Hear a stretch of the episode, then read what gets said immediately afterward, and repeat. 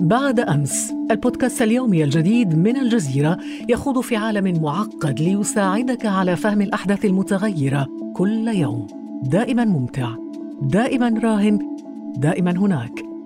لا تنتظر حتى الغد واستمع اليوم إلى بودكاست بعد أمس. معي أنا خديجة بن جنة.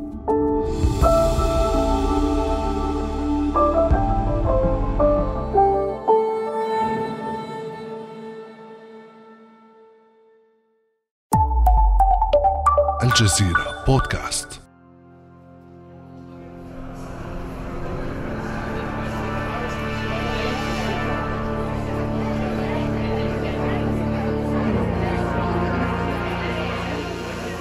هل سننجح؟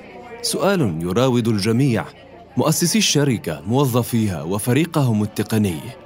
الكثير من الضحك والنقاش لكن الجو لا يخلو من الضغط والتوتر. مسيرة عمل جنونية يستعيدونها سويا. فقد مر أكثر من تسع سنوات على التأسيس. في هذه اللحظات يتذكر الأمريكيان ريد هيستينغز ومارك راندولف كيف بدت فكرتهما حالمة قبل سنوات. الفكرة ذاتها اليوم ستغزو شبكة الإنترنت خلال ثوان. إنه منتصف كانون الثاني يناير من عام 2007 يجلس الجميع في مقر شركة نتفليكس في مدينة صغيرة بولاية كاليفورنيا بانتظار ضغطة زر واحدة. ستطلق خدمة بث المحتوى الترفيهي لنتفليكس لأول مرة. لحظة مفصلية في تاريخ الشركة وتفضيلات جمهورها على حد سواء. على الجانب الآخر يتصفح زبون أمريكي من جمهور نتفليكس موقع الخدمة. لاختيار فيلم يود مشاهدته مع الأصدقاء ويريد أن يطلبه عبر البريد قبل نهاية الأسبوع. هكذا اعتاد زبائن الشركة شراء الخدمات حتى ذلك التاريخ. لكن خيارا جديدا ظهر للمتصفحين فور إطلاق خدمة البث ليعرض عليهم مكتبة من ألف فيلم ومسلسل محتوى يمكنهم مشاهدته حالا دون انتظار البريد فكيف حلقت هذه الخدمة العصرية باسم نتفليكس وما الذي غيرته في ذوق المستهلكين للمحتوى المرئي؟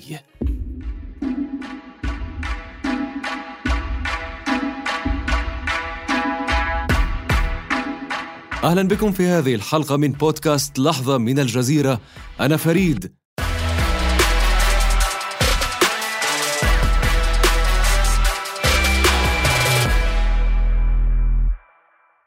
في عام 1997 كان ريد هيستينغز ومارك راندولف مهندسي برمجيات يسافران للعمل يوميا معا.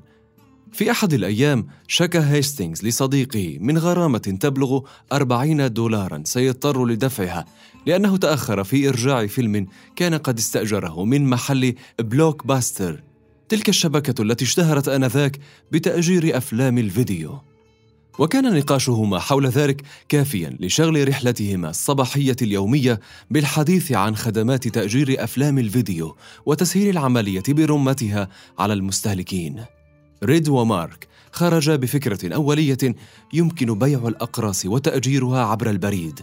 سيوفر ذلك إيجار المحلات والفروع وقد تتيح الخدمة للزبائن قائمة من الأفلام يختارون واحدا منها من أمام شاشات حواسيبهم ويستأجرونها عبر الإنترنت. لم تكن تلك فكرة عابرة بل كانت بداية نتفليكس الشركة الأمريكية الرائدة في تقديم خدمات الترفيه عبر الإنترنت.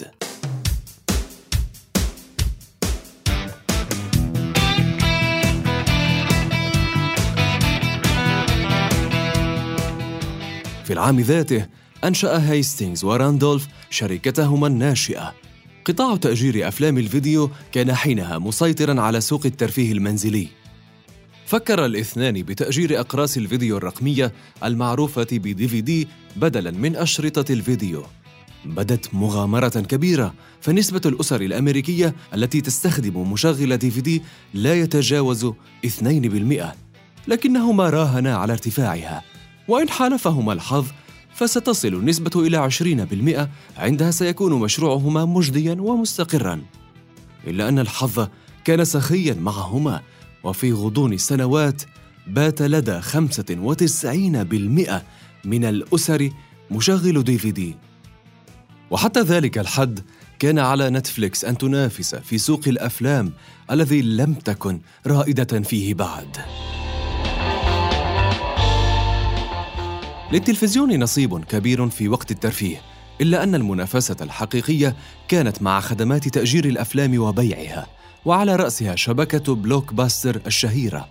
شركة أمازون كذلك دخلت عالم بيع الأفلام فتوقفت نتفليكس عن ذلك وركزت على خدمة التأجير. وبعد عامين اثنين من التأسيس طرحت خدمة الاشتراك الشهري. المستهلكون يدفعون رسوما مخفضة مقابل عدد غير محدود من أفلام الديفيدي. يستلم الزبون فيلمه وحالما يعيده عبر البريد يرسل إليه الفيلم التالي. عام آخر مر على نتفليكس. ركزت فيه على خدمة الاشتراك الشهري وطورت نظام عمل يقدم تجربة تصفح مثالية. مكتبة غنية وحصرية من الأفلام باتت في متناول الزبائن. نتيجة شراكات متتالية مع شركات رائدة للإنتاج التلفزيوني والسينمائي. رغم ذلك، ظلت نتفليكس حتى عام 2000 شركة صغيرة لا تغري المستثمرين. موظفوها لم يتجاوزوا المئة، وكانت في طريقها لخسارة مليون دولار في ذلك العام. في مقابلها شركة بلوك باستر العملاقة ومقرها تكساس بستين ألف موظف يعملون فيها متاجرها في كل مكان وتبيع من خلالها الأفلام وألعاب الفيديو وتؤجرها في أمريكا وخارجها. كانت خيارا استراتيجيا بالنسبة لنتفليكس. يمكن لبلوك باستر أن تستحوذ عليها وتنقذها من أزمتها. ظل مارك وريد يحاولان التواصل مع الشركة المعروفة لشهور طويلة دون جدوى إلى أن حصلا على موعد قريب جدا وكانت تلك فرصتهما الذهبية. الموعد بعد اثنتي عشرة ساعة فقط. والسفر من كاليفورنيا إلى تكساس برا خلال هذه المدة القصيرة بدا مستحيلا. ما اضطرهما لاستئجار طائرة خاصة لتقلهما إلى موعدهما متحملين تكاليف الرحلة الباهظة. أخيرا وبعد ليلة عصيبة وجد مؤسسا نتفليكس نفسيهما في اجتماع مع الرئيس التنفيذي وعدد من مسؤولي شركة بلوك باستر كان مارك يرتدي سروالا قصيرا وقميصا طبع عليه رسمة لنعل وربطة عنق. وبدا مظهر الرجلين غير متناسق مع عالم الأعمال حيث ربطات العنق والملابس الرسمية هي السائدة. اقترح مارك عليهم الدخول إلى سوق أقراص الفيديو الرقمية أو ال DVD عن طريق نتفليكس مقابل 50 مليون دولار. طرح هيستينغز هذا المبلغ متلعثما. فيما حاول الرئيس التنفيذي لبلوك باستر حينها كتم ضحكته بصعوبة ولم يجد الرجلان المتحمسان سوى الاستخفاف بعرضهما فعادا إلى كاليفورنيا خائبين. كانت واحدة من أسوأ اللحظات التي مرت على مشروعهما لكن أثرها لم يدم طويلا. وما أن حل عام 2004 حتى وصل عدد المشتركين في خدمات نتفليكس إلى أكثر من مليون زبون.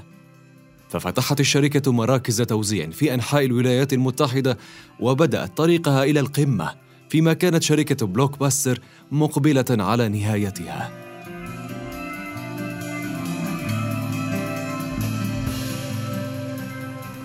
عشر سنوات مرت على ذلك الاجتماع أغلقت خلالها بلوك باستر فروعها واحدا تلو الآخر. حتى أعلنت إفلاسها عام 2010 وهو العام ذاته الذي أعلنت فيه نتفليكس توسعها خارج حدود الولايات المتحدة وإتاحتها الخدمة لعدد كبير من الأجهزة اللوحية والهواتف الذكية المتصلة بالإنترنت. لكن دعونا نعود إلى عام 2007 لماذا اتجهت الشركة نحو بث محتواها للمشاهدة على الإنترنت؟ وكيف بدأت الفكرة؟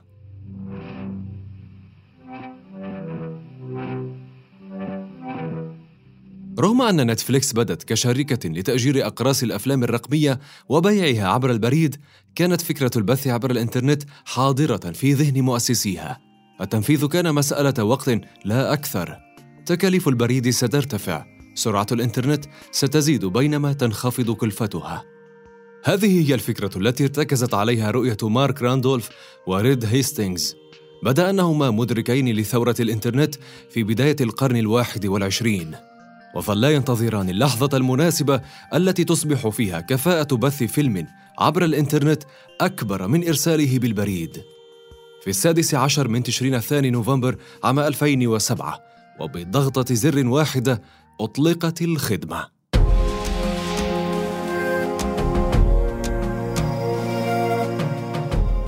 محتوى غني وكبير قدمته الخدمة الجديدة لجمهور آخذ في الاتساع.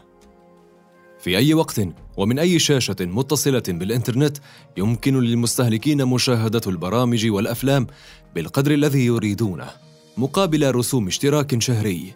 وإن شعروا بالملل يمكنهم إيقاف المشاهدة واستئنافها في وقت لاحق. كل هذا دون إعلانات تجارية. ولكن ما لا يعرفه كثيرون أن نتفليكس لم تتخلى عن تأجير الأفلام بالبريد حتى اليوم وإنما طورت موقعا إلكترونيا آخر للحفاظ على هذه الخدمة التقليدية تحقق من ورائه أرباحا لا بأس بها. إيراداتها من تأجير أقراص الفيديو الرقمية دي في دي لعام 2018 وحده قدرت بأكثر من 200 مليون دولار. فما تزال فئة واسعة من الجمهور تعتمد على مشغلات الدي في دي رغم غزو الإنترنت كل شيء. في الولايات المتحدة وحدها يفتقر 24 مليون مواطن لاتصال سريع بالإنترنت كاف لمشاهدة الأفلام عبر الخدمة كما تشير التقديرات ويرتكز وجودهم في المناطق الريفية. مع أنها تأخذ اليوم شهرة عالمية لم تكن نتفليكس من ابتكر بث المحتوى المرئي عبر الإنترنت وتقديم الفيديوهات حسب الطلب. ففي عام 2006 أطلقت شركة أمازون الأمريكية عملاق التجارة الإلكترونية خدمة أمازون Unbox لتأجير الأفلام والبرامج التلفزيونية وبيعها. في العام ذاته تأسس مشروع هولو وهو مزود لخدمة بث حصري للبرامج والأفلام عبر الإنترنت. بعد يوم واحد من عرضها على قنوات أمريكية واسعة الانتشار مثل فوكس وأي بي سي وإن بي سي إضافة إلى توفيره باقة كبيرة من قنوات الأخبار والرياضة. بعد سنوات قليلة بدأت تحديات جديدة تظهر أمام نتفليكس كانت تتعلق غالبا بتكاليف شراء حقوق المحتوى المرئي بين عامي 2011 و2013 ارتفعت هذه التكاليف بنسبة 700% كما تشير المعطيات. أموال باهظة كان على الشركة دفعها. بدا من الأجدى لها أن تصرفها على إنتاج محتوى أصلي خاص بها مستعينة باسمها وانتشارها الكبير. رأت في ذلك الوسيلة الأفضل لضمان بقاء المستهلكين. ستقدم لهم أعمالا متنوعة لن يجدوها في مكان آخر. ما سيبرر رفع أسعار الاشتراك في المستقبل. في عام 2013 بدأت إنتاج محتواها الخاص وكانت البداية من مسلسلها الشهير هاوس أوف كاردز الذي عرضت مواسمه على مدار خمس سنوات. اليوم تلاقي المئات من أعمال الشركة الأصلية رواجا منقطع النظير وتساهم في إقبال المزيد من المستهلكين. سرعان ما تصدرت نتفليكس المشهد ليقترن اسمها بمفهوم الفيديو حسب الطلب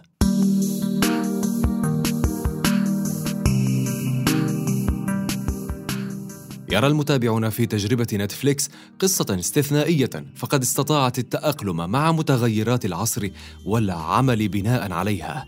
الصحفي المختص في السينما وائل قيس حدثنا عن عوامل نجاح هذه التجربة. بالنسبة لعوامل نجاحها في مثل ما خبرتك في مجموعة عوامل، أول شيء نتفليكس بتقدم محتوى متنوع، يعني أنت كمشترك وقت بتفوت على الحساب بتشوف في عندك مجموعة متنوعة من الأعمال الدرامية للأفلام من من الكوميديا للجريمة للسلاسل الوثائقية اللي تطلعها فهذا الشيء فعليا إنه هو كسر الشيء اللي أنت كان إنك قاعد بدك تنطر تشوف على التي في فيلم محدد اختارت لك يا الشركة تلعب التقنية التي تستخدمها خدمة نتفليكس دورا كبيرا في انتشارها الواسع فالاشتراك سهل والمحتوى متاح بسلاسة للمشاهد على أجهزة مختلفة في أي وقت أو مكان. كما تعتمد على تحليل بيانات المستهلكين وتفضيلاتهم لتقترح على كل واحد منهم محتوى يلائم ذوقه واهتماماته. ثورة خدمات الفيديو حسب الطلب غيرت دون شك أنماط استهلاكنا للمحتوى المرئي على نحو كبير.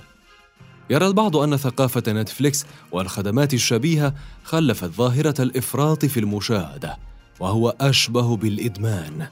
فالمستهلك قد يقضي ليالي وأياما كاملة في مشاهدة متواصلة لسلسلة ما على الشبكة إدمان قد يتجاوز ذلك الذي ارتبط بشاشات التلفزيون والتسمر أمامه وهي في عصرها الذهبي شعبية التلفزيون تتراجع أمام هذا العدد الهائل من المحتوى المتنوع من الأفلام الكوميدية والبوليسية والتاريخية من الوثائقية والبرامج التلفزيونية. ميزانيات كبيرة وتقنية عالية جدا تصرف عليها لجذب المزيد من المستهلكين. الشركة عم تتابع تشوف شو الأعمال يلي بتاخد صدى عالي بأول موسم أو ثاني موسم. بتحاول إنها تعمل اتفاقية تبدأ تعرضه بشكل حصري على حساباتها. في شيء تاني ساعد النتفليكس هو ثورة الإنترنت. هلأ حاليا إنه صار متوفر أي شيء بإمكانك الإنترنت قضى على شيء اسمه تي في. يعني هلأ أنت إذا بتكون عم تتابع مسلسل ما لحقت إنك تشوفه بتروح آه، مباشرة على الإنترنت بتشوف الحلقة اللي ما حسنت تلاقيها. تتيح نتفليكس اليوم خدماتها في جميع الدول العربية ما عدا سوريا ويقدر عدد المستهلكين فيها بمليون وسبعمائة ألف مشترك. وكما تواجه نتفليكس على المستوى العالمي منافسة شديدة مع شبكات هولو وديزني وأمازون لا يبدو منافسها في العالم العربي أقل رحمة. وعلى رأسهم ستارز بلاي هذه الشبكة التي تتخذ من دبي مقرا لها تقدم عددا ضخما من أفلام هوليوود وبوليوود والبرامج الوثائقية وكذلك المسلسلات الحصرية والعربية والمحتوى الترفيهي المناسب للأطفال. ستارز بلاي متاحة في عشرين دولة في الشرق الأوسط وشمال إفريقيا. وقد وصل عدد المشتركين في خدمتها لعام 2019 إلى مليون. من ناحية أخرى تسعى شركات البث الأمريكية مثل أمازون برايم إلى توسيع انتشارها في المنطقة. ورغم ذلك لا يبدو أن بإمكان هذه الشبكات مجتمعة أن تنافس خدمة فيديو حسب الطلب تابعة لمنصات عربية واسعة الانتشار إلا أن المتابعين يرون في شركة نتفليكس تجربة ناجحة على المستوى العربي. الصحفي وائل قيس أشار إلى أن السبب يكمن في تحررها. دائما طبعا نحن إذا بدنا نحكي على العالم العربي دائما بالعالم العربي عم يصير في عنا نوع من الرقابة يعني في مش يعني أنت وقت بتشوف الفيلم على القنوات العربية بتلاقي إنه عم يصير في حذف لبعض المشاهد. هذا الشيء إنه هون أنت خلص يعني هون المشاهد صار في عنده خيارات متعددة. وخيار الترجمة جاهز كسرت حاجز اللغة عند المشاهد. بتفوت بتختار الترجمة اللي لك إياها كمان لمتابعة العمل.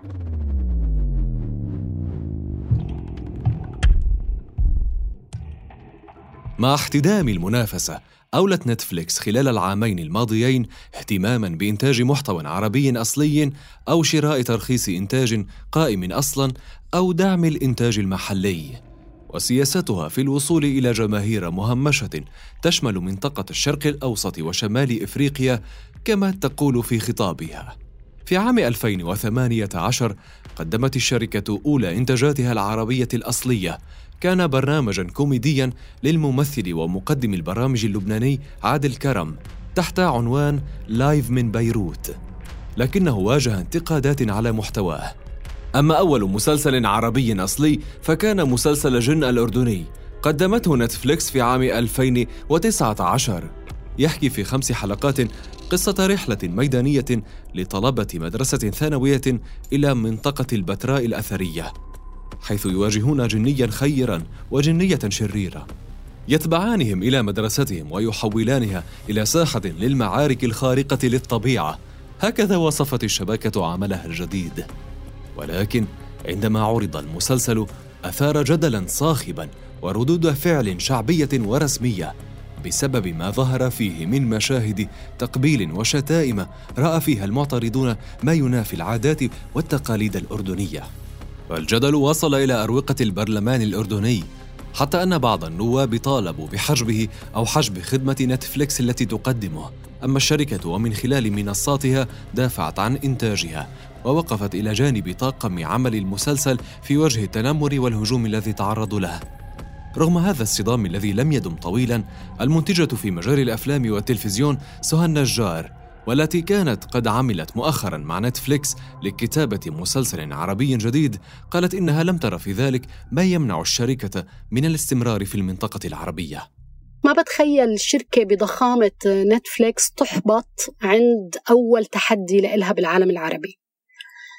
فمن ناحية رح يكملوا بتوقع طبعا يكملوا. هلأ كيف رح يكملوا؟ هون الفكرة. يمكن يمكن مثلا يفضلوا إنهم ما يصطدموا مع المجتمع العربي بهالقوة اللي اصطدموا فيها آه، بالمجتمعات العربية وأدجن.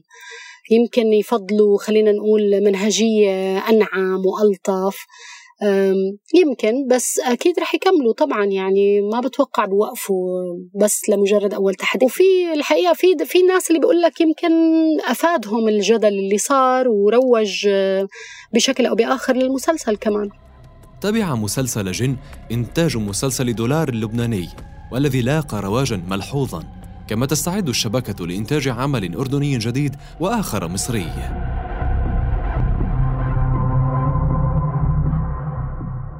من جانب آخر لم تنجو نتفليكس من سيف الرقابة العربية عندما خضعت لضغوط السعودية وحجبت حلقة من برنامج الكوميدي الأمريكي حسن منهاج انتقد خلالها المملكة العربية السعودية.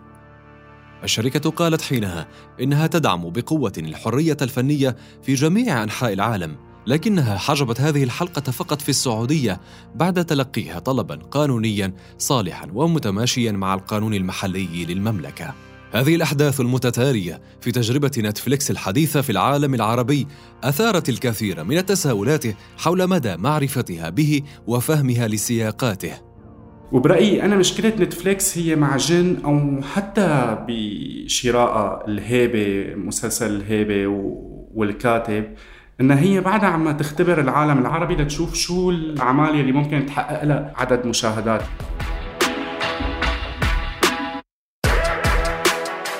من فكرة بسيطة لبيع الأفلام وتأجيرها عبر البريد إلى شبكة رائدة عالميا في خدمات بث المحتوى المرئي حسب الطلب وإمبراطورية في الإنتاج الترفيهي. الملايين اليوم يقضون ليالي طويلة أو ينتظرون نهايات الأسابيع المتعبة من العمل والدراسة ليتسمروا أمام شاشاتها مطولا ويشاهدوا مسلسلاتهم وأفلامهم المفضلة. كانت هذه قصة صعود نتفليكس وعلاقتها بعالمنا العربي.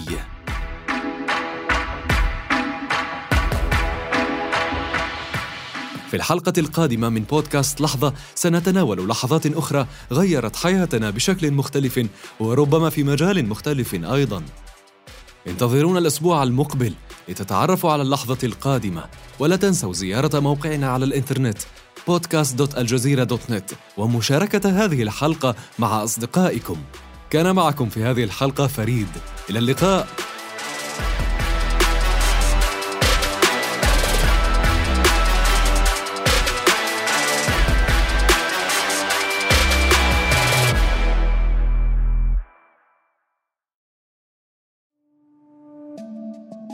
بعد أمس. البودكاست اليومي الجديد من الجزيرة يخوض في عالم معقد ليساعدك على فهم الأحداث المتغيرة كل يوم. دائما ممتع. دائما راهن. دائما هناك. لا تنتظر حتى الغد واستمع اليوم إلى بودكاست بعد أمس. معي أنا خديجة بن جنة.